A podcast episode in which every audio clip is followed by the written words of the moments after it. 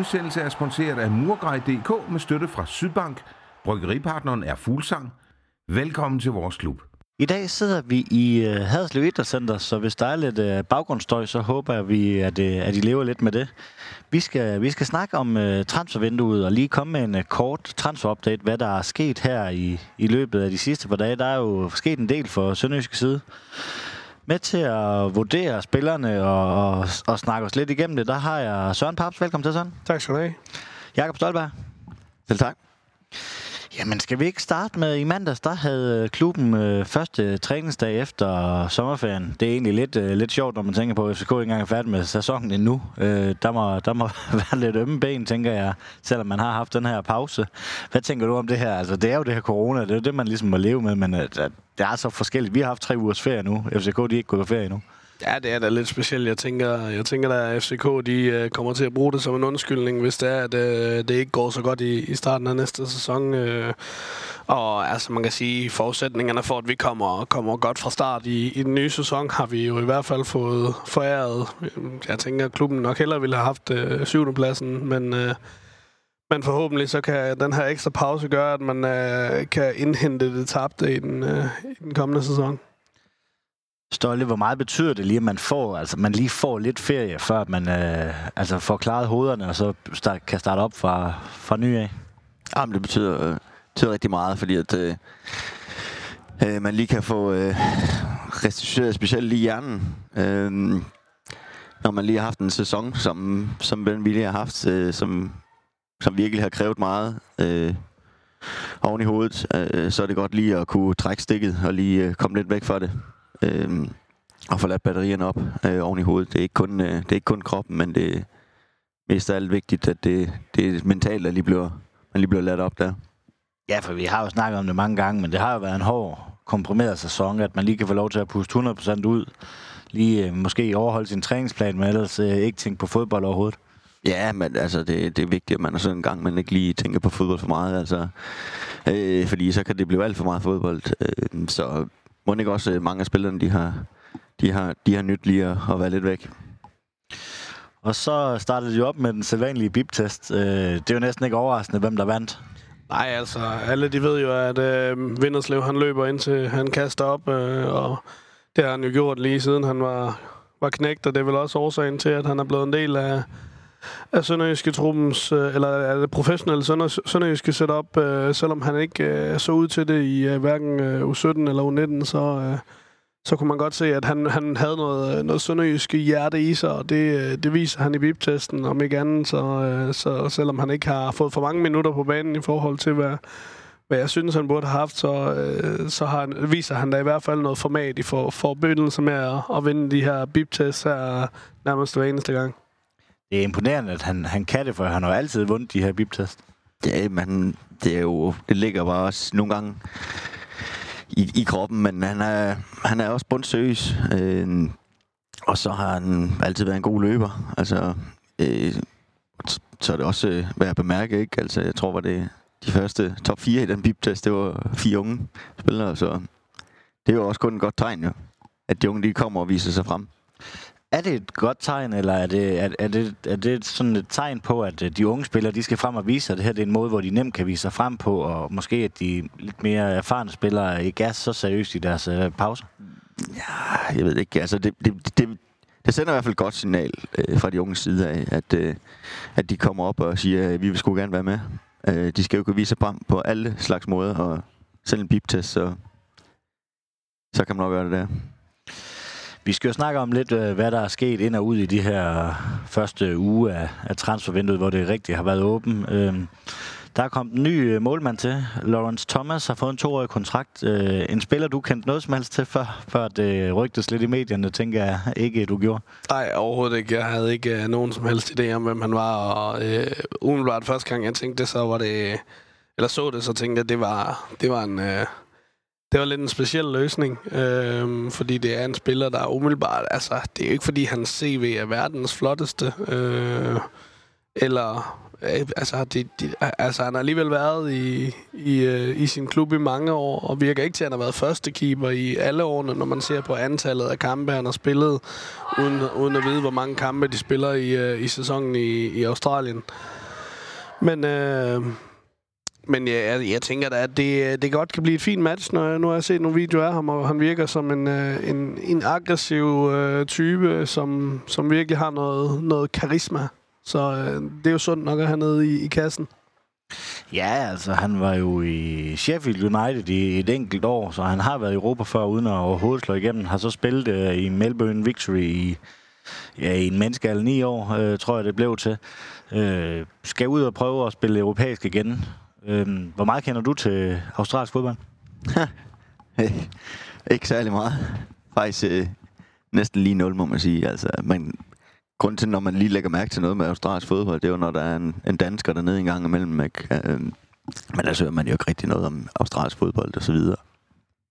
Så, men niveauet dernede, det har jeg absolut ingen kendskab til. Øh, men jeg kunne da forestille mig, at det var på Superliga-niveau.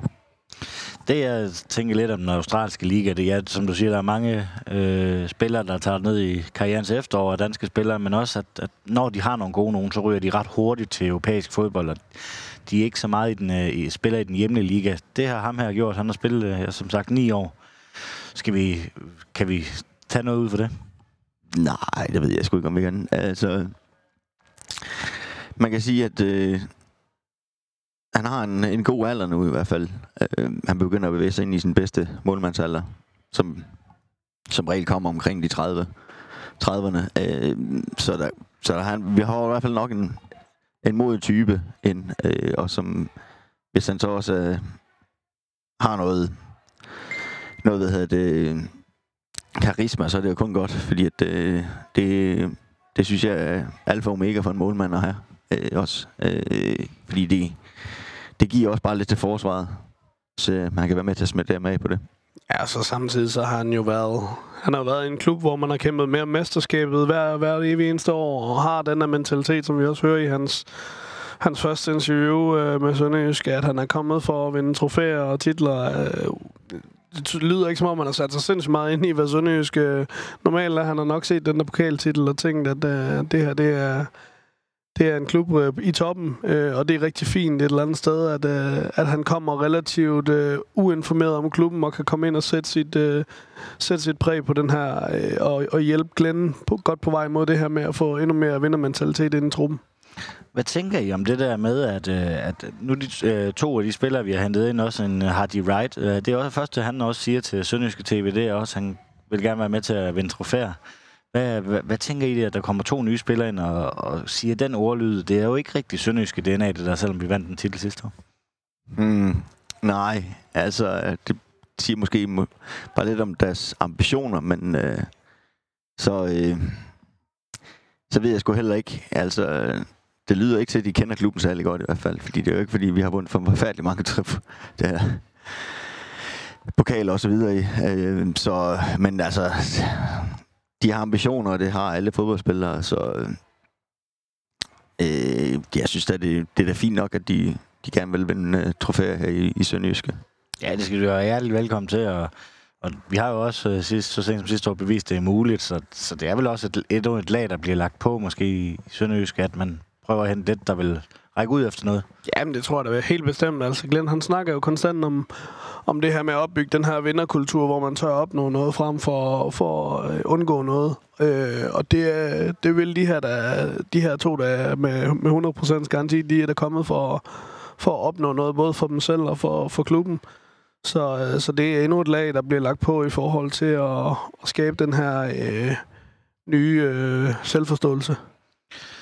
Der, øh, der har været snak om, at øh, Nikola han øh, måske skulle øh, udlejes, og der skal endnu en målmand ind. Øh, tænker I, at øh, Lawrence Thomas er hentet som første keeper, eller at måske vi får en endnu større eller bedre keeper ind til første, eller hvordan tror I, det her puslespil, øh, Heisen han skal have til at gå op? Så umiddelbart så tror jeg, han er hentet ind som første valg. Øh, men det er jo svært at sige nu. Øh, altså når man henter en målmand helt fra Australien af, som har været med til at vinde mesterskabet der, så tænker jeg ikke, han har i hvert fald sat sig for, at han skal være anden målmand, og samtidig med den alder, han har. Øh, så umiddelbart så tænker jeg, at det, det er noget, der, der er købt ind til skulle være første målmand. Ja, så har han også fået nummer et. Det er vel også et uh, ret godt tegn. Normalt. At man... Ja, ja, man kan sige, Milic, han, han havde jo nummer 28, men, øh, men øh, ja, altså han har jo fået nummer et, øh, og det, øh, det, det, det vidner om, at han, han er en han er netter, øh, og som, altså Stolle, han rammer den jo øh, sømmet lige på, på hovedet der. Øh, altså, du henter ikke en mand ned fra Australien i sin bedste fodbold, eller som har spillet om mesterskaber for, for at sætte ham på bænken. Det ville da være... Ja, altså uden at vide hans lønpakke, så, så tænker jeg da, at det, det ville være fuldstændig vanvittigt. Nu det her med, at Milet, han skifter til en tredje Bundesliga, jo kom lidt, lidt på afstand. Han var jo på bænken i, i efteråret uden at kende øh, Lauren Thomas øh, niveau, tror I så, at, øh, at det her det er en fin erstatning? Det er jo et meget hypotetisk spørgsmål. Ja, det er et svært spørgsmål i hvert fald. Det, det kan vi jo ikke sige. Øh, men ja, altså... Jo, ja, altså... Hvorfor skulle han ikke kunne det? Altså, øh, Milits var en ganske fin målmand, men så heller ikke mere end det. Øh, så det er jo ikke øh, det var ikke sådan, fordi det var en af top tre bedste keeper i Superligaen, øh, vi mistede. Så øh, der, der kan han sagtens erstattes. Ja, jeg tænker også uh, umiddelbart, at, uh, at det godt kan blive en fin erstatning. Det er... Det har været svingende med Milits Nogle kampe, der har han øh, haft, øh, haft øh, top, top topklasse, i, altså, hvor man sådan tænkte, han, han kunne have spillet et, et sted, hvor han meget bedre andre kampe. Der tænker man, det kunne godt være, at han ikke havde niveau til mere end en tredje Bundesliga. Hans, hans, hans øh, bundniveau er simpelthen for lavt. Øh, og jeg vil hellere have en, øh, en keeper, der bare er stabil, øh, en, en, en, en, en der, der nogle kampe er for vild, og andre kampe er for ringe. Så har man også hentet en ung angriber, Hadji Wright, øh, på en toårig kontrakt med et option på et år. Også en, øh, en angriber, vi ikke øh, kender så meget til. Øh, har ikke scoret fans masse mål. Øh, kan både spille øh, højre og venstre vinge også. Det er vel også øh, fint nok at få lidt konkurrence og en ung spiller, som alligevel har et pænt CV. Ja, øh, pff, umiddelbart så synes jeg ikke, det virker som en særlig spændende handel. Øh, det virker mere som en, en lotto-kupon. Øh, det, kan, det kan blive det kan blive rigtig godt, øh, sikkert, fordi han har øh, den fysiske pakke, men jeg tror, det der mangler, det er det, er det mentale omkring fodbold, øh, at han, han skal blive klog på fodbolden, øh, hvad det handler om, at, at, at udnytte sin fysik rigtigt. Øh, han er stadig ung, men hvis han ikke har mentaliteten i forhold til at få udviklet sig til at blive en rette, rette og bedste udgave af sig selv, jamen, så, så, så er han væk igen om to år. Øh, men jeg tror, jeg tror, hvis han får bygget de her ting på, øh, som jeg forestiller mig, er, er grunden til, at man kan hente ham i Sønderjyske, øh, at han mangler, mangler rigtig meget mentalt øh, og, og fodboldforståelsesmæssigt. Altså, han er 22 år. Han, øh, han er jo lidt anderledes angriber end dem, vi har i truppen. Øh, 91 høj. Øh, det tænker jeg også, at det er for at kunne variere lidt i, i spillestil. Ja, men det, altså det, sådan er det jo. Øh, det, der skal en ny type øh, angriber ind, som der ikke lige, man ikke lige har, ikke? og det er jo nok, øh, fordi man, ikke, man har ikke den der boks-type angriber, og det er jo nok det, derfor han er blevet han i hvert fald øh, øh, med sin højde og, og så videre. Øh, men, øh, og så har han jo en, en, en alder, hvor man kan sige, at der er udviklingspotentiale i. Øh, men udover det, så er det jo sådan lidt, det er lidt en, en, en, det, er ved, det, det er som om, det er ved at blive sådan en eller anden uh, tradition i, i Sønderjyske, at, uh, at hver år vi skal have en eller anden uh, angriber, en lotto angriber ind, uh, som, uh, som anden tredje valg, uh, og som så er, er stadig igen året efter og så videre. Vi har i hvert fald mange sæsoner nu, så jeg har set nogle, nogle, nogle, nogle navne, hvor man tænker, okay, hvem er du, og hvad kan du, og, og de er ikke rigtig slået til, og det har været sådan noget, ja, det er vel ligesom, om man har taget... Øh, øh, altså, man har havde en masse sædler, og så bare lukket øjnene, og så lige... Åh, oh, det står det navn. Jamen, ham henter vi, han er gratis. Så.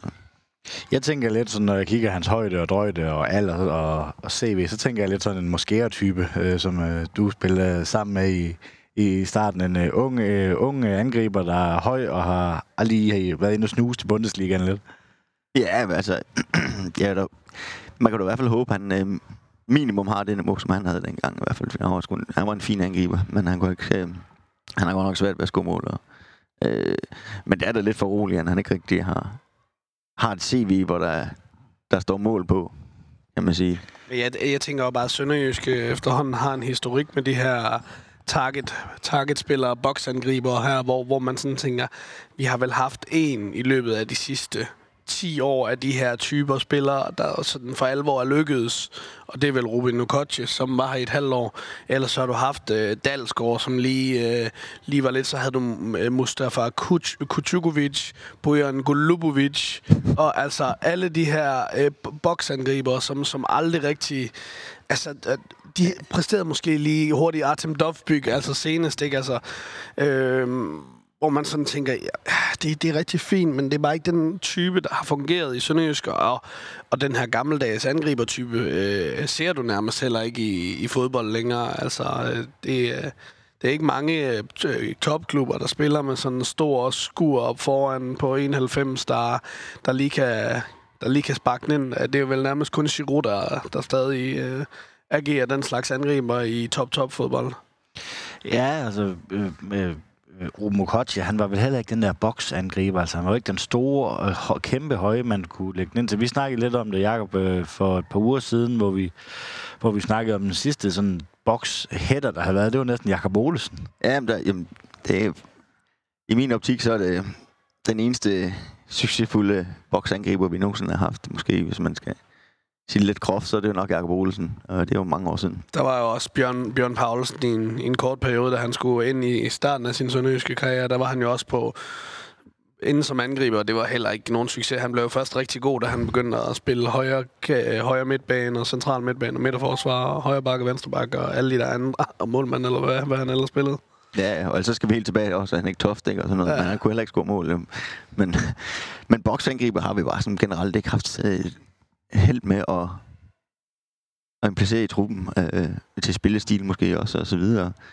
Øhm, og det, det kan måske også noget at gøre med, at vi ikke har været så spilstyrende et hold og, og så videre, hvor der kommer mange indlæg og, og så videre, hvor vi måske mere har ofte har været sådan lidt mere leve på omstilling og fight og så videre, men man kan sige, at det fungerer jo egentlig meget godt i, i FC København. Netop som du siger, de smækker så mange indlæg ind fra, fra kanterne og fra baksen, ikke? så du kan have Jonas Vind og, og Damien Døje derinde, som, som de her to store maskiner inden foran. Øh, så, så, men de er så også øh, øh, et par niveauer over. Øh, Hardy Wright vil man forestille sig umiddelbart.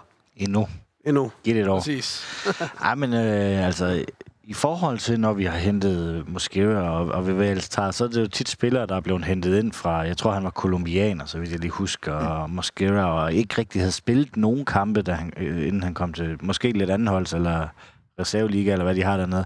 Han har trods alt spillet 20 kampe i, i sidste sæson. Jeg tror, det var 60 procent af al spilletid, han har spillet dernede. Øhm, så han kommer der i det mindste med noget kampform, at, at, at målene ikke, øh, ikke er der. Det er, nu, nu tager vi ham jo som angriber, men han har spillet, han, jeg tror han har, kun han spillet fem, fem kampe som uh, spidsangriber, hvor det var syv som højrekant og otte som uh, venstrekant eller noget i den stil, så han er jo heller ikke, det er jo heller ikke ham, der er angriber. Når han så er kant, så skal han så også assistere, og der har han kun lavet en assist, så, så den der statistik, den er ikke helt god, men han kommer der i hvert fald med noget, med nogle kampe i benene, og det er vel også vigtigt, at man ikke skal bygge en grundform op. Ja, ja, lige præcis, og det havde man jo lidt med øh, Artem. Øh, han var jo kommet tilbage fra en, øh, en alvorlig knæskade, ikke? Øh, og så det er bare ikke, efter sådan en knæskade, så er det bare så, så tager det for det første mega lang tid om at komme i gang igen, og for det andet, så er det ikke sikkert, at man kommer ordentligt i gang igen. så altså det positive er jo, at han har, han har spillet sådan rimelig kontinuerligt, og, og så har han en, en, god alder, øh, som skal han sige, vi siger, at han, han får sådan en succes, jamen så kan han også, øh, så kan det måske også øh, blive et salgsobjekt jo. Øh, der skal jo ikke, øh, som offensiv spiller, skal du ikke øh, bruge lang tid for at få opmærksomhed øh, og, og kunne blive solgt. Man kan sige, at sidst vi hentede en, øh, en angriber fra, fra Holland, øh, der, der havde han scoret 30 mål, eller 31 mål i, i, i Holland, og uh, som bekendt, så, så, så var det ikke nogen udbredt succes her i Sønderjysk. Det var i hvert fald ikke målene, han blev kendt for her, øh, Mart Lider, hvor man kan sige, hvis han så bare laver den omvendte, har G. Wright lade være med at score mål i Holland, og så, øh, så score 30 her i, i stedet for, så skal han, øh, så skal han nok købe en, en Wright-trøje på et tidspunkt. Det skal han være velkommen til i hvert fald. Så sad jeg jo, øh, Jacob, vi sad og snakkede med Heisen for, for tre års tid siden, hvor, hvor han sagde, at øh, det var lukket med, med Emil Frederiksen. Øh, Emil, han gad ikke at, at skrive under på en øh, kontrakt, han ville ud af. Så øh, i mandags, der var han alligevel til træning, og Sønderjysk offentliggør, at de har skrevet ind til december øh, 23 med ham.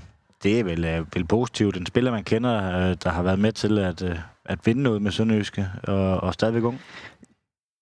Ja, altså øh, Emil, det er jo... Øh, han har kæmpe potentiale, og så er det jo også... Øh, nu har han også lige haft et halvt år i klubben, ikke? Hvor han er allerede kender, kender klubben og omgivelserne og spillerne og så videre. Og, så det, at øh, det var et naturligt, naturligt køb, synes jeg, øh, og det er rigtig fornuftigt, øh, fordi øh, der er virkelig stor potentiale i ham. Øh, og øh, et salgsobjekt. Øh, altså, han, jeg vil ikke sige, at han slog til for alvor her i det her halvår, men man kunne se potentialet i ham, som er virkelig spændende. Man skal godt tænke på, at han kun er 19 år. Så øh, altså, der, der, han er virkelig en spændende spiller, øh, som har blik for spillet og har nogle gode fødder og så videre. Øh, og også lidt en type, vi, øh, vi mangler, øh, den der kre- kreatør, øh, som vi nærmest ikke har set siden øh, Henrik Hansen på holdet. Ikke? Så øh, det bliver spændende at følge. Hvad tænker du om det her, Søren? En god lang øh, kontrakt til ham? Ja, jeg synes, det er, det er fornuftigt, og som Stolle siger, det, der er åbenlyst potentiale og åbenlyse kvaliteter, som du kan se i kampen. Øh, øh, ikke, ikke en afgørende spiller over 90 minutter, men, men afgørende spiller i, øh, i enkelte sekvenser. Øh, det er ikke sådan en, man tænker, at hvis ikke han er på banen, så har vi, har vi ingen chance, men når han så er på banen, så kan han gøre det uventet. Øh, hvor man kan sige, at en, en spiller som Albæk er måske mere vigtig for vores startopstilling end Emil. Men, øh, men Emil, han, er lige nu er han øh, en, en fantastisk joker, og du, du kan også se den, de, de kampe, han er kommet ind. Altså, lige pludselig så sker der et eller andet. Øh, der mangler noget defensiv disciplin, øh, men, men det skal der nok blive bygget på. Han er jo stadig ung og ikke særlig stor, øh, så, så det er jo svært for ham for alvor at sætte sig igennem defensivt men må ikke det kommer. Øh, og så det her med de tre et halvt år, jamen det er jo fordi, at øh, der er en strategi nu, og det er, øh, at vi skal have nogle unge spillere ind omkring holdet, som også kan, kan tjene nogle penge til den her klub. Hvis øh, klubben den skal rykke sig, så nytter der ikke noget, at vi ringer til Danfoss og, og beder om penge, når vi, øh, når vi er i nød, men at vi også selv kan generere noget, fordi at, øh, ellers er det da ikke særlig interessant for, for sponsorer at spytte penge i klubben, hvis vi ikke selv kan, kan hjælpe os selv. Jakob, jeg snakkede med Hej, vi snakkede med Heisen her, øh, hvor han sagde, at den var lukket. Øh, du har siddet i de her kontraktsituationer. Hvor meget spil er der også i sådan noget, at, at Heisen han går ud, og så siger han, at, øh, at den, er, den er lukket nu, sætter en lidt en presbold over på Emil? Nej, jeg, jeg tror egentlig, at de havde allerede en aftale på det tidspunkt, kunne jeg forestille mig. jeg tror bare, jeg tror egentlig, han har sagt det, fordi at det er jo typisk sådan, den omvendte psykologi og, og så videre. at der blev brugt, øh, fordi de skal, det skal holdes, holdes hemmeligt så, så lang tid som muligt. Og så vil jeg jo gerne have haft øh, folk til at tro på, at øh, der ikke var noget. Øh, og så kom med det der, nu har vi ham. Øh, det, er jo, det er jo typisk, og så ser man jo hele tiden den måde, hvor øh, der blev benægtet i medier og, og så videre, at jamen, der er ikke noget der, og så, og så ser man det alligevel et par uger efter, ikke? Så, øh, men jeg tror, jeg tror godt, at øh, du kan fat i noget, Knud, i forhold til, hvis der har været en lidt øh, kontraktuel øh, øh, forhandling, som har stået lidt i, været lidt i stå, og måske øh, Emil, der vil have mere end, end, øh, en Sønderjyske har kunnet og ville betale, jamen altså, så har, så har det måske kan godt være, at forhandlingerne har været tæt på en afslutning, men at Sønderjysk alligevel har vurderet, at, at før, vi, kan ikke, vi, kan ikke, vi kan ikke påstå, at vi er i nærheden af noget, før du kommer ned på det, det, det krav, som vi er nødt til at stille, i forhold til, at vi har ikke de penge, som du for, forventer, øh, eller vil ikke betale de penge, som, som du forventer. Øhm, så er det jo klart, at når man ser sådan noget i medierne lige pludselig, at man, øh, man, man ikke øh, er i nærheden af Sønderjysk, så kan det godt være, at man ringer til Heisen og siger, hvad, ja, det, altså, det, det tænker jeg da, det, det, det kan da godt være et eller andet i, men om, om det lige har været det med bagtanke, eller om han bare tænkte, at han lige skulle, øh, skulle drille jer lidt og holde jer lidt for nær, det ved jeg ikke. Jeg kunne, jeg kunne forestille mig, at de egentlig har altså, snakket om kontrakt, og øh, de havde jo også en en klausul i, lav, i den lejeaftale der, at jeg tror egentlig, at det hele der sådan været sådan rimelig, altså, det, jeg, det tror, det der har været hemskoen i det her, det har egentlig været, at Sønderjyske skal lige finde nogle penge. Og det, øh, det er så måske kommet i det, det næste transfer, vi måske kommer til at snakke om med Greco og så videre, ikke? Som øh, blev, øh, blev købt fri her et halvt år før. Og det, jeg, jeg tror måske, at det var det, der gjorde udslaget til, at nu havde de de der ekstra kroner, de lige kunne betale det der klausul. Ja, for det var faktisk mit næste spørgsmål. Det var om den her Grego, øh, det her Grego-salg til, til Lyngby, om det måske har frigjort nogle, nogle kroner til, til hans løn, og det måske er derfor, det er det her store puslespil, der skal på plads, inden, øh, inden man reelt kan skrive under. Ja, det tænker jeg da umiddelbart. Øh, nu kan jeg ikke huske, hvordan det var med Greco, men, øh, men da vi hentede ham ind, der mindes jeg, det var på en, på en kortere kontrakt, og han så efterfølgende har forlænget, efter han havde bevist sit værd. Så han har nok ikke været en billig herre øh, at have gående. Så både på, på lønposen, men, men øh, tænker da også, at man får en OK, OK transfer fee, når man sælger sin, sin, sin topscore igennem tre sæsoner, selvom det kun er kun et halvt år før tid, så tror jeg da godt, man ved, hvad man vil have for det, når det er, at det er en direkte konkurrent, der, der ringer og, ringer og spørger, hvad, hvad skal det koste? Hvad tænker du, øh, Stolle, om den her Grego? Jeg var lidt, lidt overrasket over, men, men, man, man solgte ham. Det er godt se det, når han har et halvt år tilbage, altså, men, men sælge ham til, til Lyngby, som er en, en direkte konkurrent, vi skal konkurrere med øh, om, om den her 10. plads i næste sæson. Jamen, ja, altså, jeg var selvfølgelig også overrasket over det, øh, men det handler jo nok også lidt om øh, det der puslespil. Øh, ikke? Øh, jamen, øh, Greco måske mister vi om en halvt år anyway. Øh, og vi kan samtidig med få Emilen, øh, som dækker stort set samme pladser som Greco. Øh, og så er det jo... Men der er ikke plads til dem begge, kan man sige. Øh, økonomisk i hvert fald. Øh, så det er jo noget af det med det at gøre. Øh, men at man selvom det er en konkurrent, ja, men altså... det er jo som det er. Øh, det har vi jo set mange gange før øh, at vi, vi bytter spillere med andre klubber i Superligaen. Og, så det er jo name of the game, ikke? Altså, ja, ja. Det er jo det. i Sønderjyske. Har Grego i sin tid i Sønderjysk egentlig været undervurderet? Altså nu siger du topscore gennem tre år. Det er jo, han, han har jo egentlig præsteret ret flot, men har han ikke altid været sådan alligevel lidt, lidt undervurderet, og man har ikke rigtig vidst, at man manglede ham, før han lige har sat ud på gamle og kom ind igen? Jo, men altså, jeg, jeg, ser, jeg ser det som, øh, som at Greco, han... Jeg ved ikke, om man vil sige undervurderet, men, men igen, der var også bare udfald. Altså, hans bundniveau, det var også ekstremt lavt. Øh, og øh, ja, det er jo... Han var, han var, mere, han var mere en humørspiller, end, end man nok lige tror. Øh, men når han så var i godt humør, så, så kunne han også score hat mod, mod Brøndby og score afgørende mål generelt set. Ikke? Så, så han var, han var jo en, en, en rigtig, rigtig god spiller for os, og der er der ingen tvivl om, at øh, hvis det var muligt, så ville man da gerne have beholdt ham. Og, altså, nu ved jeg ikke, hvad der er gået, gået forud for det, om det er rent, altså om det er fordi, at man, han ikke passede ind i den kultur, der gerne vil bygges op. Altså, Greco har jo kun været i Brøndby, som er en, en, en klub, der, der normalt gerne vil vinde noget. Ikke? Og, det, øh, og der var han jo ikke i ret lang tid, og blev aldrig en vigtig del af truppen og noget. Måske heller, heller aldrig at få det her vinder-mentalitet ind under huden, hvor man kan sige... Øh, det, det, det er nogle af dem, der kommer ind, de, de har den her nu, og det, er jo, øh, det, det kan jo godt være svært at vende sig til, når man har spillet i Sønderjysk i, i flere år, øh, og har været vant til, at at man skal undgå noget frem for at opnå noget. Så, så det, det kan godt være, at det også har været en af, en af grundene. En øh, sidste spiller, vi lige vil nævne, det er Egert Jønsson. Øh, 91 kampe nåede han for Sønderjysk. Øh, han er taget tilbage til, øh, til HF. Øh, Glenn udtalt til... Øh, FH, ikke? FH, undskyld. Jeg, jeg tror ikke, han er gået, begyndt på HF. Det kunne da godt være, han har brug for det. øh, Glenn udtalt til Jysk Vestkysten, det var en spiller, man var, man var rigtig ked af at, øh, at miste. Øh, det lignede også, at det fungerede rigtig godt med den trebakkæde med, ikke? at nede, øh, nu skal han til at lave lidt om igen, øh, og ikke kan holde den, den fembakkæde, eller hvad man skal sige, der, der klarede det rigtig godt i det sidste del af sæsonen. Ja, jeg tror... Så han var sådan lidt en, en speciel spiller, ikke? Og øh, jeg synes også, han, hans, hans niveau... Øh, jeg synes klart, han var, mere, han var, han var bedre nede i midterforsvaret.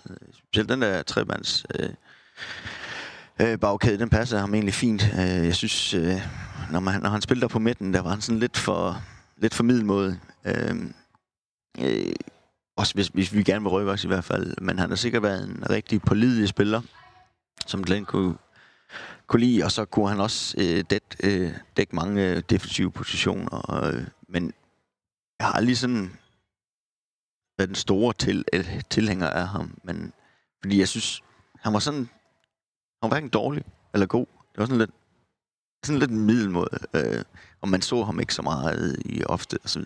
Altså. Og jeg synes heller ikke, han udtrykket på banen i hvert fald var ikke den ledertype, jeg håber, han var. Øh, men jeg synes, det klæder ham lidt mere ned i midterforsvaret. Han var jo en del af den her anførergruppe her. Det er også noget af det, uh, Glenn påpeger, at, øh, at, at, at det er ærgerligt at miste en fra, fra den gruppe der.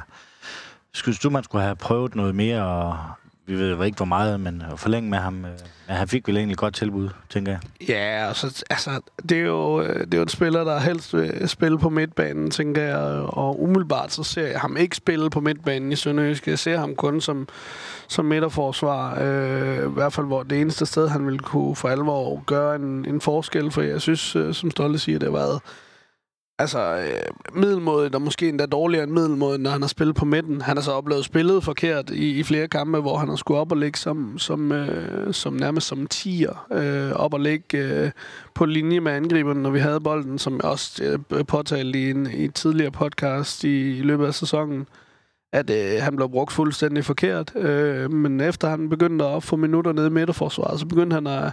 Han lignede nærmest øh, Sølvi Ottesen dernede øh, i i, øh, i sin storhedstid, skulle jeg til at sige det. Og måske også lige lidt for pæne ord, men, øh, men han, han, han var virkelig en, en jernmand dernede, og, og du vidste, du kunne regne med ham, og du, han havde sine markeringer, og han bakkede op, ikke? Så, så jeg kunne godt have set ham som en, en vigtig brik i, i øh, midterforsvars puslespillet, men, Øh, men altså, Island er også et smukt land, og hvis man gerne vil op og nyde sit... øh, sit otium øh, på, på, på hjemmebane, ikke? Så, øh, så Island er absolut ikke det værste sted at slutte karrieren af. Øh, midterforsvar eller central midt, øh, er, er spillerne i truppen til at øh, kunne overtage en plads, eller skal man ud og hente noget?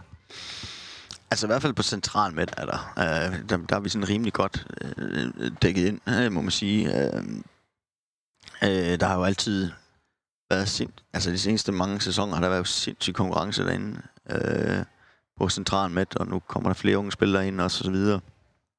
Så det er, det er i hvert fald ikke, jeg, ikke lige der, jeg føler, at øh, øh, man, skal, man skal hente noget, øh, med mindre der er noget virkelig godt, øh, man kan få fingrene i. Øh, så er der nok andre pladser, der, der kunne være mere vigtige for os, i hvert fald lige nu, øh, som jeg ser det udefra. Hvad siger du, Søren? Øh er, er det en til en? Er, det, er den i truppen allerede? Ja, jeg, jeg tror sgu, øh, tror sgu bare heller ikke, at man skal ud og hente. I hvert fald ikke til midtbanen, som Stolle siger. Men, øh, men om, om altså det, det, for mig, nu kan jeg se, Mark P. han er begyndt at, at træne med igen. Øh, og hvis han er en del af planerne, jamen, så har vi jo egentlig, øh, så har vi jo egentlig stadig øh, fire øh, central midtbane, eller central, øh, central forsvar, øh, og det kan godt være, hvis man skal spille en trebakkæde, at man skal ud og have hentet en mere. Øh, men, men umiddelbart så tænker jeg egentlig, at man er, man er ret godt dækket ind, hvis Mark P. han er en del af planerne og kan, kan finde sit, uh, sit vanlige niveau. Men, uh, men skal man spille en trebakkæde, så, så vil jeg mene, at man skal, man skal ud og finde et eller andet uh, mere. Jeg ved ikke, Niklas Mauritsen, eller er det ikke det, han hedder, ham der træner med? Nu er han ikke, er han ikke med der forsvar. Han er, vist, øh, han er, han er venstre, venstre bak. Nå, han er venstre bak. Men, okay. Øh, nu skal vi også... Øh, det er jo sikkert også inden vi kommer ind på senere, men øh, nu er der lige kommet to med, øh, flere midterforsvar ind i truppen også af, øh, af de unge. Så øh, henter man en midterforsvar mere, så, øh, så er der sgu egentlig også lang vej for dem, kan man sige. Ikke? Ja. ja, det må næsten, som jeg ser det, være, være ideen, at Mark P. han kommer ind og erstatter i, i det midterforsvar, og så har man de, de to unge der, øh, blandt andet Mads Vinter, som, øh, som kan gå ind og, at substituere, hvis, øh, hvis det går galt, og der skal skiftes noget ud. Er du enig? Ja, ja, altså, øhm, på, altså de, de unge, de skal jo have chance på et tidspunkt, så det nytter ikke bare, at øh, man har øh, fem foran dem i køen, fordi så, så er der sgu lang vej. Øh, så er det jo bare fyld, kan man sige. Øh, og det vil også, altså, altså hvis vi skal ind og hente noget, så, så er det fordi, vi mister en også. Altså, lige præcis på det punkt jeg sige. Ja, Søren, så nævner du lige øh, Niklas Mau, Mauritsen, tror jeg han hedder, fra, fra Roskilde, en, en venstrebenspiller, øh, der er på prøvetræning. Det er vel for at finde en, øh, en, øh, en venstrebent øh, bak. Øh, Stolt nævnte det, da vi sad og snakkede med Heisen. Det er, det er den sværeste position at finde en, en venstrebent til, så det er vel lidt bare for, for at man har fået muligheden for at få en ind, og så ser man. Ja, det tænker jeg. Øh, altså, jeg er ret sikker på, at han også skal spille i midterforsvaret, øh, og det er ren og skær ud fra, hvad jeg ved fra Football Manager. Så, øh, altså, så det kunne også være en, en tanke med, med, at han skulle kunne, kunne dække begge pladser, ligesom Xiao Pedera også, øh, også kunne. Øh, så det, jeg har, jeg har vidderligt intet andet viden om ham, end hvad jeg ved fra Football Manager, og der, der er han egentlig en ganske fin, øh, fin spiller. Nej, for det er vel den her venstre bak, som øh, jeg tænker, der giver Heisens hovedbrud. Øh, det er vel, øh, vi har mistet tre, der kunne spille den inden for det sidste halvår. Øh, det er vel der, han skal ud og, ud og grave et eller andet guld op et eller andet sted? Jo, men det er klart, der vi øh, er svagest besat øh, lige PC. Vi har jo ikke en decideret vensterbak i truppen nu. Øh, den nærmeste, vi har, det er Morten Dyrmose, som er lige blevet seniorspiller også, øh, som er træner med derude også. Øh, så øh, der, vi har ikke en decideret venstreback. Altså, øh, jeg har set Absalonsen dæk det, og vingbak, hvis vi skal spille med en vingbak. Og så har vi set øh, Jeppe Simonsen, øh, når han engang er tilbage. Men vi, vi mangler jo en, en eller to normale wingbacks eller vensterbacks, kan man sige, i truppen. Men, ja. men nu nævner du jo lige Morten Dyrmos, så kan man sige, at det er jo faktisk en spiller, vi lige helt har glemt at nævne. Han er jo først lige, lige for alvor nu kommet op i, i seniortruppen. Han kan jo godt, øh, han ville jo godt kunne, kunne, kunne gå ind og, og i hvert fald gardere øh, for Johan Absalonsen. Så han, han har også øh, spillet på ungdomslandshold og, og så videre. Morten Dyrmose var, var i hvert fald i, i de lidt yngre år spået til, til en halvstor øh, fremtid i, i, øh, i, øh, i Sønderjyske. Ja, altså, han er jo ikke øh, blevet en fast del af truppen endnu, men jeg tror, at man, jeg kunne da forestille mig, at de bruger det næste års tid eller, eller noget på til at se ham anden ekstra anden. Altså det gør de tit med, med dem, de er lidt i tvivl om.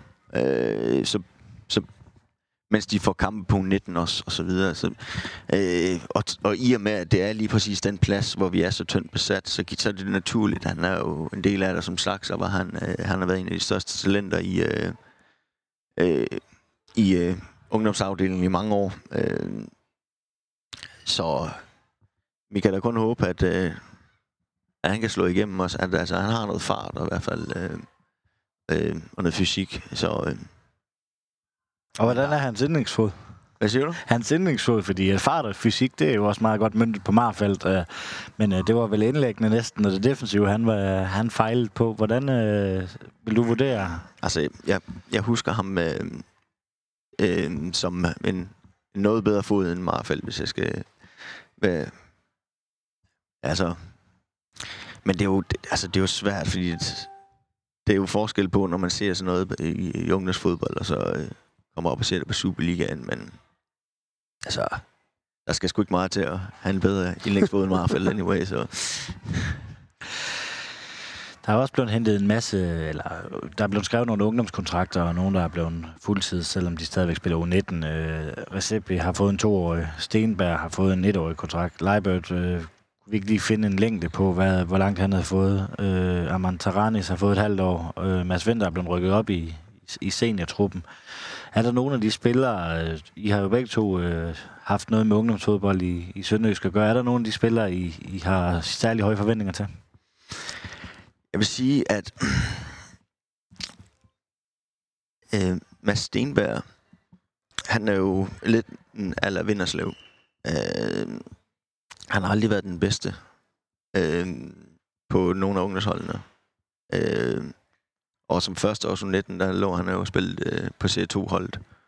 Øh, var, havde ikke rigtig kampe med U19. Og så som anden også øh, U19, så har han spillet samtlige minutter. Øh, som er egentlig en spiller, der er gået fra at være kantspiller i sin yngre dage til at og nu at være midterforsvarer. Øh, han har en rigtig god fart, og, øh, og, øh, og, og hovedstærk. Og, og så øh, er han bare prototypen på en, der vil det her. Altså, han er så bundseriøs, at du tror, det er løgn. Altså, man, man finder ikke en, der... Altså, der vil det her så meget, som han, han vil. Altså, som bare går op i det.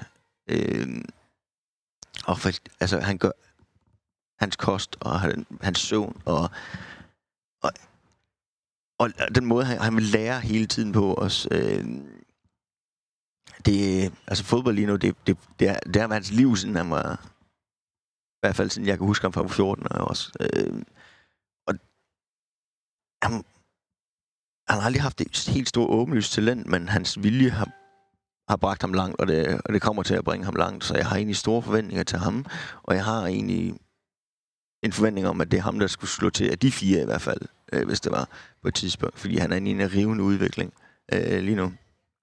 Øh, så plus den seriøsitet, den måde, han griber tingene an på, de er virkelig, de er virkelig spændende. Men det, altså, jeg, jeg, jeg, jeg vil gerne bakke dig lidt op i den der, fordi jeg, jeg kan godt se, øh, Stenberg, han har virkelig udviklet sig meget fra... Altså, jeg havde jo en lille smule med, med både øh, Mads Winter og, og Mads Stenberg at gøre i, i, øh, i min tid, da jeg var i u 14, og de var, de var u 15, der havde vi noget, noget træning på tværs, hvor, hvor, vi havde, øh, hvor jeg havde lidt med dem at gøre der. Og, og man kunne tydeligt se dengang, at, at, at øh, Mads Winter, han var en, en markant bedre fodboldspiller end Mads Stenberg, øh, men... Øh, men øh, Stenberg, han, han var der fra første minut til sidste minut, og måske også lidt længere end det. Øh, hvor det var lidt mere naturligt for Mads Winter, det her. Han blev hentet, hentet ned fra Subag og var bare en, altså en stjerne øh, inde på den centrale midtbane sammen med, sammen med Tobias Sommer derinde. Øh, og, og, der var ingen, der kunne røre dem, og, og Mads Winter, jeg, var, øh, jeg, har, jeg har en kæmpe fidus til, til ham. Øh, nu er det lang tid siden, jeg har set Stenberg og spille for alvor. Men allerede dengang kunne man bare se Mads Winter. Altså, for det første er han en, en utrolig behagelig person at være, være i nærheden af, og, og og for det andet, så, så forstår han fodbold, og øh, han kan behandle en bold, øh, og han er super ydmyg omkring opgaven, så, så ham kunne jeg også godt se øh, få nogle minutter i den kommende sæson. Hvis Glenn han øh, eller beholder den her trebakkæde, det er vel også en fordel for de yngre, at de kan komme ind og så have to øh, erfarne spillere omkring sig. Øh, det, det er jo lige en plads mere, at øh, der er nede i det centrale forsvar. Så især når det er både Mads Vinter og, og Stenberg, der, har, der kan spille de der, den centrale forsvar. Så det vil også, gør vel også vejen til, til Superliga-fodbold kortere? Og altså klart, altså specielt som midterforsvar, man gerne vil slå til øh, som ung spiller, øh, så er det virkelig vigtigt, at man har en ved siden af, så man kan læne sig op af. Øh, øh, fordi dem det tager lidt af presset for, øh, for en selv, og som har en, der, der kan guide dig og hjælpe dig osv. Øh, øh, og det som er med til at gøre dig bedre. Øh, det, det er virkelig alfa og omega, hvis du altså, udvikler og så videre. Ja. Så jeg har jo selv, da, da jeg kom frem som midterforsvar i sin tid, der havde jeg først Jan Jensen, og så var Gaxe og sådan nogen ved siden af mig, ikke, som havde en masse erfaring. Og Hamburg, Paul Henriksen og sådan noget. Men, øh, og det, det lærer man meget af, og det giver bare noget tryghed for de unge spillere, når man har en øh, i midterforsvaret, der har noget erfaring. Yes, jamen øh, det var jo egentlig det, der var sket i, øh, i, i hvert fald nu vil han transfervindue. Jeg tænker, Heisens uh, telefon stadigvæk er rødglødende. Tror I, at der er, kommer nogle bud på... Ja, vi, har, vi ved jo, der har været bud seneste transfervindue på Bar og Impendi. Tror I, de er her, når vinduet lukker den 5. oktober? Det er et svært spørgsmål. Øh, øh, om de begge to er her, det tror jeg ikke. Men hvem af dem, der ryger, det ved jeg heller ikke. Men øh, det er et spørgsmål, om der er nogle klubber. Altså, det, det er også et spørgsmål, hvad man vægter højst. Vil man med på det her Europa-eventyr? Øh, og se, om man kan nå at, at få lidt ud af det, eller, øh, eller skal, man, øh, skal man stikke af, mens ens løn øh, kan blive højere, øh, end den måske er efterfølgende? Det, det, altså, man kan sige, går vi hele vejen til gruppespil, så er det måske noget sjovere at spille i, i Sønderjysk, end at, end at være rykket til øh, øh, Brøndby, bare fordi lønsingen er højere, eller øh, en championship-klub, eller, eller hvad ved jeg, så, så kunne det måske være noget sjovere at komme med på, på det europæiske eventyr, men kommer man ikke med der, jamen så, det kunne man jo se sidst, øh, da vi var i Europa, altså snart... Øh, vi røg ud i Prag, jamen, så var der ligesom allerede lidt på, på vandrørene med forskellige spillere, der skulle, øh, skulle til afsted og, og så videre. Ikke? Så, så, så det er det der med, kommer vi i Europa, ja, men så, så, er det, så er det rigtig fint, så, så skal vi nok beholde alle spillere og, og, øh, gør vi ikke det, jamen så, så kunne jeg forestille mig, at det går stærkt. Er det det, man afventer lidt, øh, Stolle, med, at nu prøver vi lige at se, hvor langt kan det her øh, Europa-eventyr bager, og ryger man så ud, jamen så er der stadigvæk en, en rumtid til, at man, øh, man kan nå at, at, at finde noget andet eventuelt. Jamen, det, altså, det er jo også sådan lidt med, med transfervilje, som, som regel ligger, og nu er det ekstra langt. Øh, altså, man ser en masse handler i starten, og så dør den bare ud. Og så ser man en helvedes masse handler lige til sidst. Øh, og det er jo det er jo nok også, altså det er jo det samme, vi kommer til at se, og det sker jo år efter år. Øh, princippet burde transfervinduet ikke være så langt, fordi der jo foregår næsten ikke nogen handler i, i stor periode. Øh, ja, nærmest kun start og slut. Øh, fordi klubberne holder kortene ind til sig selv. Ikke? Men øh, jeg forventer egentlig ikke, at vi ser øh, nogen handler øh, hos Sønderjyske lige, øh, lige nu, øh, før i slutningen af transfervinduet. Øh, om der er så nogen, der bliver solgt, jamen øh, det kommer jo an på budet. Altså, det hele handler om kroner og øre. Øh, og kommer der et stort nok bud på en Alexander Bag, jamen så, så sælger de ham også. Jo. Ja, det er vel også lidt med at have is i maven for hejsen, tænker jeg. Altså, for vi, vi kan jo trække Tottenham for eksempel i, øh, i, i, i, i tredje kvalrunde. Øh, trækker vi dem, og bare eller en pendi brænder banen af, ikke? Altså, så kan hans værdi jo stige øh, mange gange dobbelt nærmest, hvis han spiller en god kamp. Ikke? Øh, så det er vel også lidt at have lidt is i maven. Ja, det er det der. Altså, det handler om, at hvis du kan få øh, dine bedste spillere ud og præstere på den største scene, ikke? Altså, så, øh, så sker der et eller andet med værdien. Der er jo en grund til, at... Øh, nu ved jeg godt, de ikke ville afsløre det, men der er en grund til, at der sad scouts fra, fra forskellige klubber til, til øh, den kamp, vi spiller mod OB lige bagefter, vi har vundet pokalturneringen. Øh, fordi der er nogle... Det, det er klart, at når du vinder sådan en øh, opsigtsvækkende sejr, som, som det jo er, når, når Sønderjysk vinder pokalturneringen, det har jeg også nævnt tidligere, det her, nu nævner jeg det lige igen, så er der flere, der kigger med, end hvis det var, at det var FCK, der havde vundet, fordi det havde alle folk regnet med. Når, når sådan en lille klub vinder her, så er der altså nogle, øh, nogle af de større klubber, der tænker, at det kunne godt være, at der lå et eller andet, der gemte sig der til billige penge. Ikke? Øh, hvis man så lige kan komme ud og brænde banen af mod, lad os sige Tottenham, jamen, så kunne det jo godt være, at der var, øh, der var lige pludselig en, nogle Premier League-klubber, der, der åbnede øjnene op for, for vores lille klub her. Men det er jo også spørgsmål, fordi nu, sidste sæson, nu valgte de ikke at, og, øh, og sælge bare, til trods for, at de egentlig fik et, øh, et rimelig godt bud, øh, fordi de gerne de satsede på den her sæson. De vil gerne have, altså, de, de gik faktisk all in, kan man sige, ikke? Øh, med, med nogle handler, og så med ikke at sælge øh, øh, det største salgsobjekt. Øh, så jeg tvivler egentlig på, at de tør at holde igen den her år. Men har det ikke været, tror jeg ikke, altså udenbart, det jeg har hørt på vandrøren, det var, at det var 5 millioner for bag og 5 millioner for Impendi. Øh, I og med, at de er pokalmestre, øh, er den pris ikke bare steget? Altså, selvom det er den samme klub, der gerne vil have. Øh, ja, er de altså, ikke dyre nu, end de var for et år siden? Jeg synes i hvert fald, bag, at, at jo, at, jo, det er, at begge to er, og det burde de i hvert fald være. Man, skal ikke, man skulle ikke sælge i hvert fald Alexander Bær for 110 millioner. Altså, så det, øh, altså, han har vist over den her, nu er der kommet sæson mere, ikke? og han har vist øh, op af stigende formkur i, og blev endnu bedre nu. Øh, og som princippet kan man jo godt sige, at han er holdet størst fil.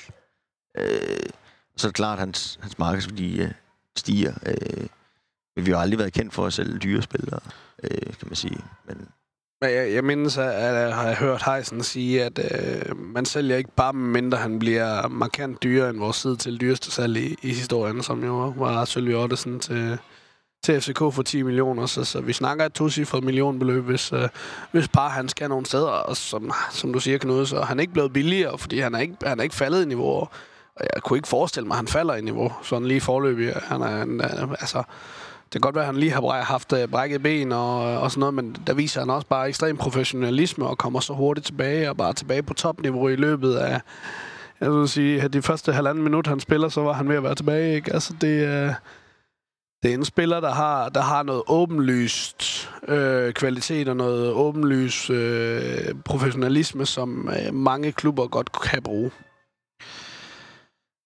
vi snakker meget om Impendi og om Bar. Øh, der plejer altid komme nogle overraskelser i sådan en transfervindue. Grego var, var en lille overraskelse hos mig. Han lå tilbage, man kunne måske godt se det. Hvor tror I ellers, at, øh, at der kommer nogle overraskelser i det her til at vindue, hvis øh, du ikke må, må nævne de to? Jamen, så skulle det jo være... Altså, vi nævner ham hvert år, men sådan en som Stefan Gardenman kunne jo godt være, være et emne for nogle klubber, øh, fordi han også stadig har, øh, har alderen på, på, sin, på sit hold, ikke? Så, øh, så han er da selvfølgelig en, en, en mulighed, men, øh, men han har heller ikke været, han har heller ikke været øh, på sit top-top-niveau, som, som han, han, han har vist før. Øh, tænker jeg at sagtens, han kan finde igen. Han er også super professionel og, og, en, og en god fyr, der gerne vil fodbolden, så, så det kunne godt være en mulighed. Øh, hvis så skulle det være Mads Hansen eventuelt, der skulle på en udleje øh, et eller andet sted. Øh, ikke fordi det ville være sindssygt overraskende, men, men, øh, men, men det er da en mulighed, at, øh, at han kunne komme ud og skulle have nogle minutter i, i en, i en første divisionsklub eller et eller andet. Ja, vi kan jo, der kan jo stadigvæk også øh, blive skilt sig af med nogen, som man måske ikke lige føler er øh, enten er gode nok, eller har præsteret godt nok, eller måske er for dyre. Øh, vi hentede jo nogle dyre drenge ind sidste år, for eksempel, som måske ikke helt har, har slået til, og øh, måske betalt tilbage, hvad de egentlig er, Øh, at blive kørt ind for. Øh, det kunne jo godt være, at man også øh, ender med at skille sig med, sig med en af dem. Uh, også bare for at gøre lidt luft. Jeg tror ikke, der er nogen, øh, nogen af os i studiet, der vil være sønderlig ked af, hvis vi skulle sige farvel til Patrick Bangor, og så samtidig tjene lidt penge på det. Men, øh, men øh, jeg, jeg, tænker, at, at jeg tænker ikke, at de skal nogen steder, de tre der, og jeg tror heller ikke, de kommer det. Altså Bangor, han har haft en, en halvsløj sæson nu, og hvis han hvis han lige får bygget det sidste på, øh, og det mentale, og, og begynder at tage noget ejerskab af midterforsvaret og vise nogle lederegenskaber, jamen, så kan det godt være, at vi kan få ham tilbage på, på vanlig niveau, men, øh, men det har godt nok ikke været imponerende. Så hvis, altså, hvis, vi, hvis man skulle nævne en af de tre, som jeg i hvert fald synes, der, der trænger til øh, enten at komme videre eller at, at komme i gang, så er det ham.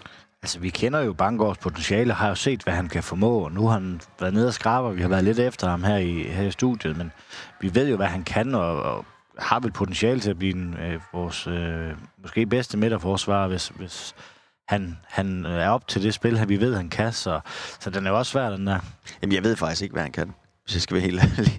altså, forstå mig ret. Altså, jeg har ikke nogensinde set ham være god Øh, sådan vanvittig god. Øh, så jeg kan ikke udtale mig om hans potentiale-ish, øh, hvis man skal sige det. Men han har jo...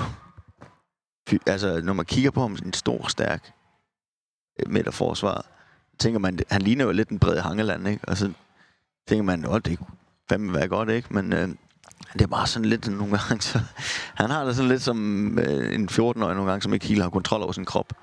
Øh, hvis han kan få det, jamen, så kan han jo blive rigtig værdifuld, kan man sige. Jamen, øh, lad os gå øh, væk fra transfervinduet, så snakke lidt om den sportslige sektor, for der har også været rigtig, rigtig meget udskiftning. Øh, Finn Korfitz øh, sagde allerede her øh, i sæsonafslutningen øh, farvel. Øh, en meget, meget vældig holdleder. Øh, så har man så her den 1. august har man sagt farvel til Kim Sarko og Karl Hermann. Øh, Kim han havde lavet et Facebook-opslag, hvor han, øh, hvor han skriver, at det blev til tre sportschefer, tre fysioterapeuter, syv cheftrænere, seks assistenttrænere og to fysiske trænere. Det er, det er noget af en liste, og noget af noget sønderjyske DNA og historie, der ryger med, med ham, fordi han har været med så længe. Han har været med hele, han har altid været med, faktisk. Ja, øh. han, øh, han kom der, øh, da jeg stadigvæk spillede, øh, øh, var der, da jeg stoppede. Så han har været med i mange år. Øh, så øh, og han er simpelthen... Han er også bare en del af det der sønderske DNA nede i omklædningsrummet. Altså, han, øh, han er virkelig en humørspreder øh, dernede, og altid smil på læben, og øh, en glad dreng.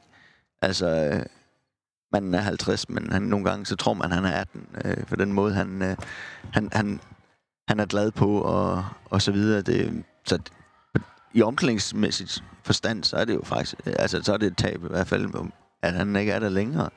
Øh, så... Altså de tre, øh, jeg nævner her, det Kim, du snakker om selvfølgelig, det er jo, at, at, at de har været med i lang tid, og de er jo, altså... Jeg husker, jeg snakkede med...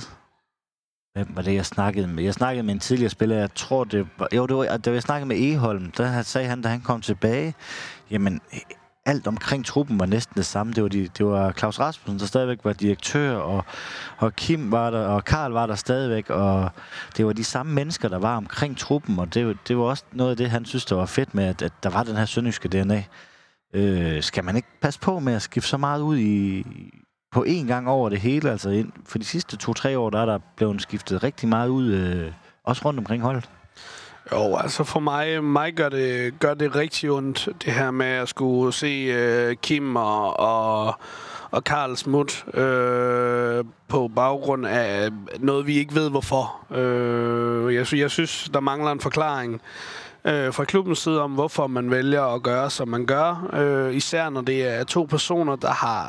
Altså, Sako er, eller var, den person, der har været i... Øh, i øh, omkring Superliga-holdet, øh, førsteholdet, i længst tid af alle. Øh, både spillere og trænere og Heisen endda, øh, har heller ikke engang været der lige så lang tid omkring, øh, omkring Superliga-holdet, øh, det første hold her. Så han er, han er øh, mester Sønderjyske. Han er jo et KF i, i, øh, i omklædningsrummet. Det, øh, det, er, altså, det er ham, der har fundet på alle, øh, alle løjerne, eller i hvert fald været ham, der har været med til at banke, banke al, al, alting op, der har noget med, med det her DNA at gøre. Øh, som jeg fornemmer det i hvert fald, øh, så, er det, så er det Sarko, man... Øh, der har været omdrejningspunktet, når man, når man kom derned om morgenen, da jeg stadig var i klubben, når man kom derned om morgenen, jamen så var det øh, Sarkon, der var den første, man mødte, øh, som sørger for, skal vi lige have en kop kaffe, og lige sørge for, at man lige kommer i god stemning, og hilser pænt på alle, og sørger for, at alle de går både ind og ud af omklædningsrummet med et smil, ikke? Øh, som jeg skrev på min Twitter, så, øh, så er det nogle meget, meget, meget... Altså, det er nok de største sko, der nogensinde har været nogen, der skal udfylde på det menneskelige plan. Øh, det er de sko, der er blevet stillet dernede nu til, til den nye sundhedssektor, fordi at, øh, det bliver æderbank med svært at erstatte det der. Er det måske også det, øh, der skal til? Altså, du ser jo i, du ser jo i samtlige sønderjyske klip, når de optager for omgangsrum. Det er jo Sarko, der, der står, står højst på skammelen og råber højst og nærmest ser mest glad ud. Øh, du ser ham ved pokalfinalen, hvor han, han hugger pokalen og løber væk, ikke? Øh, Øh, som om det er hans. Øh, kæmpe stor del af det her til Sønderjyske, og så meget respekt for ham. Men er det måske også... Øh, man kan også godt tage det faglige, og, og der kender jeg ham ikke nok, nok til det, det faglige, men hvis man skal løfte Sønderjyske til et, et, et højere niveau, at det måske også er nogle af de der punkter, det en gang imellem går ondt på, man bliver nødt til at hæve niveauet lidt. Jeg har, ja, øh, enig, øh, men jeg har sgu egentlig lidt på fornemmelsen, det er den modsatte vej, det er gået, øh, at det er for at spare kroner, at øh, de ikke er der længere. Øh, øh, blandt andet på grund af coronakrisen og, og, og så videre. Øh, så det er, det, det, jeg tror desværre, det er der, derfor. Øh, det er simpelthen fordi, at øh, de skulle spare penge og få nogle billigere ind. Ja, men ja, det, det, det, det kan jeg godt måske følge dig lidt i, men jeg tror bare ikke, at jeg tror bare ikke, de har været så, altså, så løntunge i forhold til de næste to, de skal have ind, skal jo også være på fuld tid, øh, og er også gået fra et, øh, et, videre fra et andet fuldtidsjob ind i, ind i det her, så det er ikke mange basører, de har sparet. Øh, fordi, jo, havde, de nu, havde der nu været to deltids, øh, de havde øh, kunne få ind, som øh, bare kunne være her i de her timer, de skal være her, så, så øh, i, i løbet af, af dagen, ikke? Øh, og, så, øh, og så måske noget freelance, når de er stadig på udbanen eller et eller andet. Så, så kunne jeg godt se, men jeg tror altså ikke, det er ret mange penge, der er blevet sparet øh, der. Øh, jeg, tror, jeg tror mest på, på øh, forklaringen om, at, at de må være mere professionelle, og det er et forsøg på at skabe et øh, endnu mere professionelt setup omkring det. Øh, og det ikke bliver for hyggeligt. Altså, det er, det, det, det er meget det her øh, gamle omklædningsrum, der, der er væk nu. Ikke? Øh, heldigvis har man stadig nogle af de, de øh, Pierre Kanstrup og Johan og, og sådan nogle til at holde, holde, øh, holde arven lidt ved. Øh, men øh, men der, der, det, er ikke, det er ekstremt, hvor meget der er blevet skiftet ud, især på, på, på den front der. Men jeg, kan ikke, jeg, jeg synes, jeg læste et sted, at de vil gå ned fra, øh, fra 3 til 2 øh, fuldtidsansatte altså er ansatte dernede nu, fordi at, øh, de skulle spare penge. Om det var inde på deres hjemmeside, eller hvad fanden det var, jeg lige læste det hen. De ikke havde råd til tre mand i... Eller var der en anden, der fortalte mig det i hvert fald derindefra. Men øh, det var i hvert fald, hvad jeg hørte, at de er, de er skåret ned. Der har jo altid været det der med, at hvis, hvis man snakker om Sønderjyske, så snakkede du også om det, det Sønderjyske omklædningsrum. Øh, det har vi faktisk ikke hørt så meget til, siden, øh, siden Glenda kom til, tænker jeg faktisk. Øh, der var Kim vel også øh, øh, støttepælen i det, tænker jeg. Jo, jo, det, det var han jo, som jeg også øh, sagde før. Øh, han var med til at bringe det der sammenhold jo, øh, med sit smittende humør. Og øh, det samme var Finn jo også øh, som holdleder og, og så videre. Øh, så det tager tid for dem, de nye, at komme ind, øh, men de skal jo nok finde sig til rette og øh, komme ind i det. Ja, for du har jo, altså så har vi jo også øh, Karl og, og, og Finn, som vi snakker om, og det er heller ikke øh, mange år siden, at øh, Niels Thomsen stoppede som, som læge. Han er så stadigvæk øh, lidt med, men han er også en af dem, der har været med i, i, ty, i 20 år nærmest, ikke? Øh, hvad med, hvad med Karl og Finn, hvis vi skal, eller Finn har vi snakket lidt om, hvad med Karl, hvis vi prøver at sætte lidt ord på ham? Øh, jeg kan ikke lige huske, hvor lang tid han har været i klubben.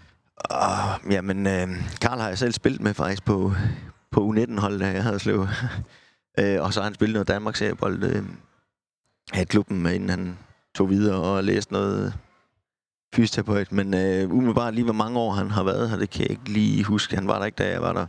Øh, Men han har også været her i... Han har været han har i hvert fald været her før, siden før jeg startede som, som skribent i klubben, og det gjorde jeg øh, i vinteren 15, ikke? Så han har i hvert fald været her fem år, øh, mindst. Jeg tror måske endda også seks år, øh, fordi han var tilknyttet dengang, jeg startede som træner i klubben i, i, øh, i 14. Så, så han har været der i, i mange år efterhånden. Øh, så det, og det er ingen tvivl om, at øh, Sarko og Sarko og Karls øh, lille rum derinde, det var et rigtig fristed. Det var der, man, når man gik ind, når man lige havde brug for lidt ekstra humør, og lige trængte, for at komme, trængte til at komme lidt væk fra, fra fodbolden, så kunne, kunne man komme derind og få en behandling, eller øh, lægge sig op øh, i en af køjesengene derinde, og, og slappe lidt af, og bare høre lidt om, om vind og vejr. Øh, og der, der, altså Karl, han var den mere afdæmpet og, og mere professionel af de to, øh, men, men de havde bare et godt samspil, de to. Øh, og Karl, han er jo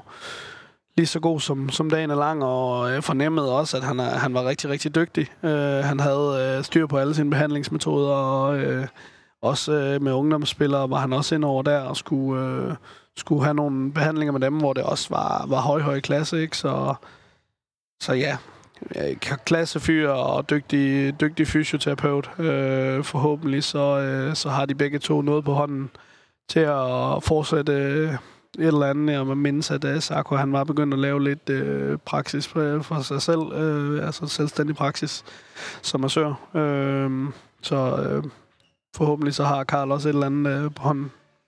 Jeg har jo også snakket med, øh, med Kim, og han har, vil gerne være med i en øh, podcast øh, til at høre om gamle historier, så det glæder vi i hvert fald også til at øh, måske også komme lidt mere ind på, på det her emne. Men øh, de nye, det er jo øh, Bo Larsen og Martin Bro, Robæk. Prokopek. Ja. Øh, der, der er de nye fysioterapeuter, der har været ansat her siden 1. august. Øh, vi vælger at se det positive, og så det må være, det må være noget, noget bedre, selvom den er, den er svær at toppe, og det er nogle store sko at fylde ud, så håber vi, at det er for Sønderjyskes bedste. Det er jo derfor, vi sidder her. Martin er jo også øh, tidligere spiller her i Sønderjyske, faktisk, øh, som ungdomsspiller. Øh, så han kender da lidt af klubben. Og det er jo måske også øh, en meget vigtig pointe at få væk, altså når vi taler om det her sønderjyske og hjerte for sønderjyske, som vi jo uden tvivl ved, at, øh, at Kim om nogen har, ikke? At, at der kommer nogen ind, der i hvert fald også har noget hjerte for sønderjyske, at det ikke bare er, er to lejesvende, som man, øh, der bare kommer for, for pengenes skyld. Jamen, helt sikkert, helt sikkert. Øh, så, men mere kan vi jo ikke øh, sige omkring Det er svært at, ja, det er lidt svært at, at kloge sig på, om de er nogle dygtige fysioterapeuter. Det må vi jo se, når, når der kommer skader ind, hvor hurtigt de får dem klar igen. Det er jo svært at sidde her og snakke om, øh, snakke om to, øh, tre så vældige øh, personer i, øh, i, øh, i klubben. Øh, og lige meget hvem der kom ind og overtog, om det var verdens bedste, så ville de nærmest øh, ikke være gode nok, fordi at de er så vellibte. Øh, sådan vil det jo næsten altid være, tænker jeg. Ja, det er jo, det, altså det er, altså, det er jo sådan, når man mister, det er jo både profilerede spillere, men også øh, profileret personale, når, det, øh, når de smutter, ikke? Altså, der var jo, ikke- vi, havde, vi havde jo ikke nogen, øh, dengang Jakob Mikkelsen, han øh, smuttede, han var så profileret, godt nok havde han kun været her i halvanden år, men alle elskede ham jo. Øh, spillere, fans, øh, presse, synes jo, han var fantastisk. Øhm, så da man skulle have skiftet ham ud, altså igen, Claus Nørgaard kommer ind. Det kan godt være, at Claus Nørgaard ikke havde, øh, havde det ret fedt, men han havde det han havde virkelig heller ikke... Øh, der var ikke ret mange, der havde fidus til ham, fordi de ville jo bare have Jakob. Og det er nok lidt sådan, de fans, der i hvert fald går op i den sportslige sektor øh, og sundhedssektoren, øh, og som, som synes, det er fedt det her med, at man har nogle KF'er i, inden, inden, i de interne linjer. Ikke? Øh, der vil vi med sådan nogen som mig øh, måske synes, at øh, det, det, det, det, kan, det kan ikke blive bedre nu. Øh, end det, altså, de, I kan ikke gøre det bedre, end de gjorde det, fordi de, I ikke de, de, de, I er ikke de personligheder. Øh, og det var lidt sådan, mange af de havde det med, da Jakob han smuttede. Det kan jo egentlig godt være, at Claus Nørgaard i, i bund og grund kunne, kunne nogle fantastiske ting. Øh, men, men det var der ingen, der rigtig kiggede på, fordi han var ikke det samme væsen.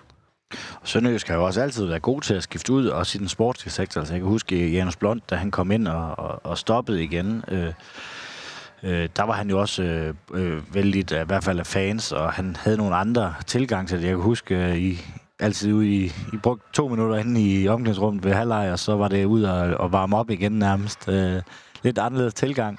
Men da han stoppede, og vi fik øh, Janus Duran ind... Øh, Jannik.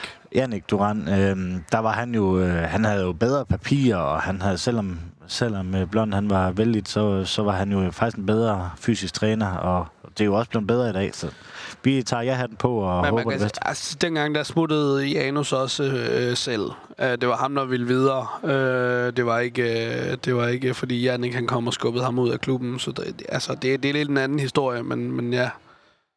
Ja, og det er også det, der er lidt, lidt spøjst i den her situation, fordi jeg har set det stillingsopslag, som Sønderjyske har haft ude. Uh, altså, der har jo været et stillingsopslag på nogle fysiske terapeuter, de, de ja. har, har søgt ind, så det, den er lidt mærkelig. Jeg synes, der mangler lidt kommunikation fra Sønderjyske side. Jamen, jeg tror måske, at, øh, at Karl selv har søgt videre. Øh, at det var den stilling, der var, hvis jeg skal være helt ærlig. Øh, så, men ja. Umiddelbart, så, så tænker jeg også, øh, som du siger, at Karl han måske selv har, har søgt videre og vil i noget almen praksis eller et eller andet øh, i forbindelse med det her. Øh, fordi der har ikke rigtig, øh, der har ikke rigtig været noget fra hans side af, øh, og så er det måske en god mulighed for Sønderjyske at få en ny duo ind. Øh, jeg ved ikke, om de kender hinanden på forhånd, de to øh, nye der.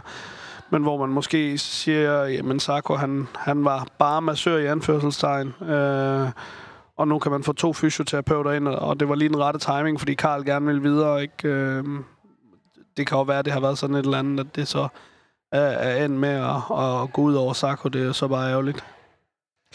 Yes, jamen øh, det var åbenbart, hvad jeg havde øh, i dag. Er der noget her på falderæbet, I mangler for sagt?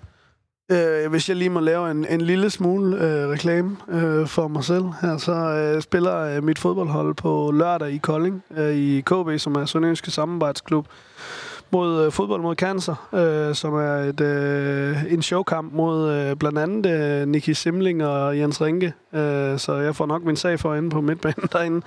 Øh, men hvis man har lyst til at komme og se en, øh, en, en sjov fodboldkamp øh, på, øh, på lørdag, så... Øh, så foregår det på KB's anlæg i Kolding kl. kl. 17 mod alverdens stjerner, blandt andet Marcondes, som lige præcis ikke blev Premier League-spiller. Hvad med dig, Jacob? Har du noget her på faldrebet, du mangler for sagt? Nej. Nej. Ikke umiddelbart. Jamen, så vil jeg godt sige tak til Jakob Stolberg. Selv tak. Søren Papst. Selv tak. Moin. Moin. En stor tak skal lyde til Fuglsang, Sydbank og Murgrej.dk. Uden dem var denne podcast ikke mulig. En stor tak skal også lyde til dig, der lytter med. Uden dig var der ingen grund til at lave denne podcast. Vi sejser møg, tak.